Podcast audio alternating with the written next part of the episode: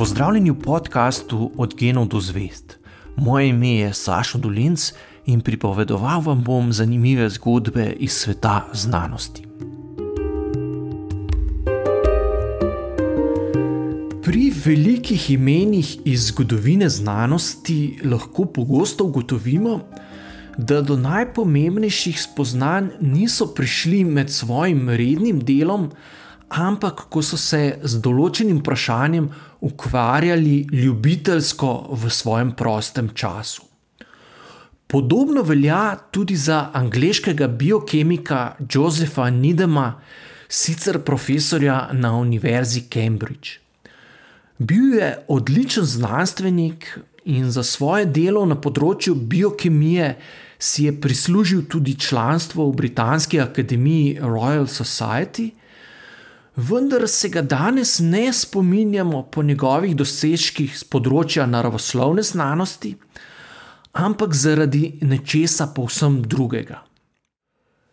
Kot že uveljavljen znanstvenik se je namreč nekaj let pred drugo svetovno vojno zaljubil najprej v Kitajko, ki je prišla na izpopolnjevanje v njegov laboratorij, na to pa še v Kitajsko, ki jo je intenzivno proučeval vse do svoje smrti leta 1995. O zgodovini kitajske znanosti in tehnike je napisal celo vrsto knjig, ki so na Zahodu vzpostavile povsem nov pogled na pretekle dosežke mogočne civilizacije Daljnega vzhoda. Joseph Needham ni bil nadarjen le za znanost, ampak tudi za učenje jezikov. Že kot najstnik jih je znal enajst, med drugim tudi grško in latinsko, zanimalo pa ga je seveda tudi marsikaj drugega. Čeprav je bil veren kristjan, je bil politično levo usmerjen. V komunistično partijo sicer ni vstopil, bil pa je prepričan socialist, kar je dokazoval tudi s svojimi javno izraženimi stališči. Med drugim je bil tudi strasten kadilec, nudist in po pričevanju njegovega biografa tudi velik ženskar. Več kot 60 let je bil sicer poročen s prav tako uspešno znanstvenico, strokovnjakinjo za biokemijo mišic Dorothy Needham, ki je bila prav tako članica Royal Society. Oba pa sta svojo zakonsko zvezo pojmovala zelo liberalno. Ko je leta 1936 k njima na Cambridge prišla mlada Kitajka Lu Guaijian, so se vsi trije hitro spoprijateljili in se veliko družili tudi zunaj laboratorija. Čez nekaj mesecev sta Lu Guaijian in Joseph postala ljubimca a Doroti je vse skupaj le stoično opazovala in ni protestirala, čeprav afere nista skrivala. Nova ljubezen je pri Josefu spodbudila tudi zanimanje za kitajščino. Ko sta z Guijen prvič skupaj spala, jo je še v posteli ob prižiganju cigarete vprašal, kako se te razvadi reče po kitajsko. In prav cigareta je bila prva pisemka, ki se je je naučil. Kitajski jezik ga je tako prevzel, da je večino prostega časa posvetil prav učenju sprva branja in pisanja pisemk. Ker je bil zelo nadarjen za jezike, je učenje potekalo zelo hitro, tako da je že leta 1938 tekoče bral in pisal v kitajščini.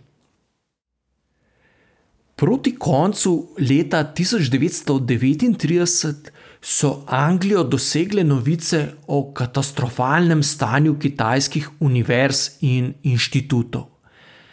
kitajski znanstveniki, ki jim je kljub vojnim časom uspelo prepotovati dolgo pot z Daljnega vzhoda v Evropo, so poročali, da Japonci sistematično uničujejo kitajske univerze. Univerzitetne zgradbe so najprej zbombardirali, na to jih pa še dodatno uničili, ko so jih dosegli s kopenskimi silami.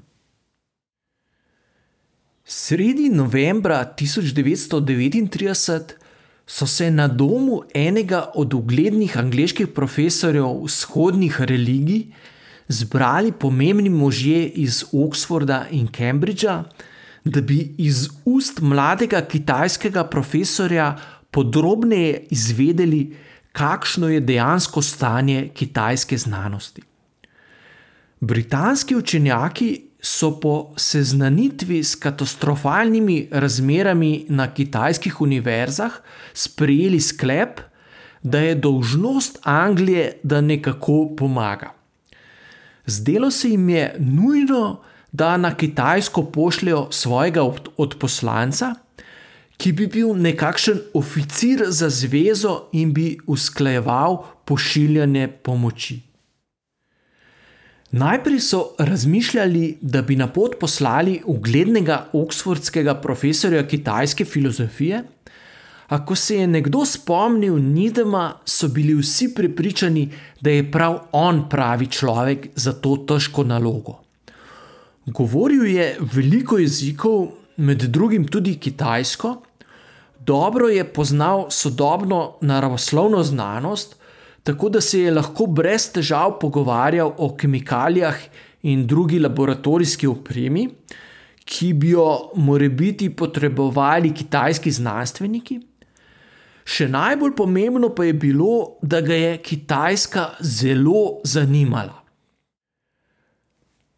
Ko so Nidema obvestili, da so ga izbrali za pomembno nalogo, je bil navdušen.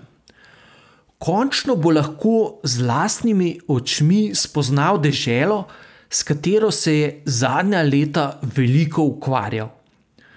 Vendar je trajalo še kar nekaj časa, preden so birokratski mlini britanske države uredili vse potrebno, da je lahko odpotoval. Na pot se je podal šele konec leta 1942. Najprej je s tovorno ladjo več mesecev plul do Indije, od tam pa so ga z letalom konec marca 1943 prepeljali na Kitajsko. Že v provincialnem mestu, kjer je pristal z letalom, je takoj obiskal tamkajšnje znanstvenike in hitro navezal stike. Ob seznanjanju z razmerami v kitajski znanosti pa je hitro začel spoznavati tudi mogočno zgodovino kitajskih odkritij in tehnoloških iznajdb. Do konca vojne je po dolgem in počes prepotoval Kitajsko in obiskal tudi najbolj odročne inštitute, ter tamkajšnje učenjake povprašal, ali morda potrebujejo pomoč. Iz Anglije je na to naročal kemikalije, laboratorijsko opremo in literaturo, ki so jo nujno potrebovali v posameznem znanstvenem centru. Med njegovo misijo je na Kitajsko prispelo več ton znanstvene opreme, ki je bila ključnega pomena, da kitajska znanost med vojno ni povsem zamrla.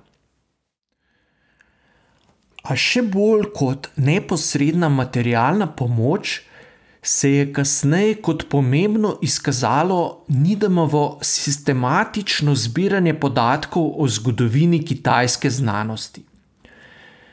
Kjerkoli se je mudil, je poskušal zbrati čim več informacij in literature o kitajski preteklosti. Stare knjige, ki jih je kupoval po odročnih predeljih Kitajske, je sproti pošiljal domov v Cambridge, saj se je kmalo odločil, da bo o zgodovini kitajske znanosti napisal knjigo. Ko se je po vojni vrnil v domovino, se je takoj lotil dela. Sprva je načrtoval le eno obsežno knjigo, a njegov projekt enciklopedičnega popisa kitajske znanosti z naslovom Znanost in civilizacija Kitajske se je do njegove smrti razširil že na 17 debelih knjig, njegovi nasledniki pa delo še nadaljujejo. Nidam je med drugim ugotovil, da prav iz Kitajske izvirajo mnoge pomembne iznajdbe, kot so recimo smodnik, tisk, toaletni papir in kompas. Vendar pa se kitajska znanost kljub svojim nekdanjim velikim dosežkom zadnjih nekaj stoletij skoraj da ni razvijala. Vprašal se je, zakaj na kitajskem ni prišlo do podobnega napredka v odnosu do raziskovanja in znanja kot zadnja stoletja v Evropi, čeprav so imeli za to vsaj na vides izpolnjene vse pogoje. Nidemovo vprašanje še danes ni povsem pojasnjeno. Sinologi se bolj ali manj strinjajo, da se je Kitajska tako počasi razvijala, ker tamkajšnja družba ni čutila potrebe po neprestanem izboljševanju in iskanju novega, O tem, zakaj je bilo tako, pa ni enotnega mnenja. Kitajski prijatelji so Nidema po Korejski vojni povabili, da strokovnjaki razišče, ali so američani morda v vojni uporabili tudi biološko orožje, saj so opazili povečano število primerov antraksa in podobnih bolezni, ki bi bile lahko posledica takšne specialne vojne. Nidemova komisija, v kateri je bilo več znanstvenikov, je po nekaj mesecih dela ugotovila, da so kitajske obtožbe utemeljene. Vendar je Nidem ob vrnitvi v domovino zaradi teh ugotovitev doživel pravi medijski linč skoraj je izgubil službo na univerzi, v javnosti pa je bil njegov ugled močno očrnjen. Američani so mu za 25 let prepovedali vstop v državo, in ko je konec 70-ih let spet lahko odšel na predavateljsko turnejo po ZDA, je po pričevanju njegovega biografa prišlo do še enega nenavadnega zapleta. V Chicagu je imel javno predavanje o kitajskem izvoru smodnika, med poslušalci pa je bil tudi čudaški matematik z imenom Ted Kačinski, ki so mu prav takrat zavrnili objavo eseja o zlu, ki ga poraja sodobna civilizacija. Ob poslušanju predavanja o smodniku se je Kačinski naučil, kako so Kitajci nekoč izdelali preprosto eksplozivno napravo. Šest tednov kasneje je profesor, ki mu je zavrnil objavo eseja, prijel lesen zaboj, ki je eksplodiral v rokah varnostnika na univerzi in ga ranil. V naslednjih dveh desetletjih je Kačinski razposlal še veliko drugih pisanskih bomb, pri čemer je ubil tri osebe, ranil pa jih je 20. FBI ga je v majhnih koči nekje v odročnih ameriških hribih izsledil šele leta 1996. Ko je Nidemova knjiga o zgodovini kitajske znanosti dosegla velik uspeh, se je tudi njegov ugled v javnosti povrnil, za svoje dosežke pa je prejel tudi pomembno odlikovanje angleške kraljice. Josefova žena Dorothy, ki je leta 1987 umrla v visoki starosti, je bila ravno še priča odprtja vrat novega inštituta za raziskovanje kitajske znanosti, ki danes nosi Nidemovo ime. Dve leti zatem se je Jozef poročil z Lu Guijian, ki je kar 51 let čakala na ta trenutek. Danes so že vsi trije pokojni in njihov pepel je skupaj raztresen na vrtu Nidemovega inštituta v Cambridgeu. To je bil podcast Od genov do zvest. Moje ime je Saša Dolence in z novo zgodbo se vam oglasim že k malu.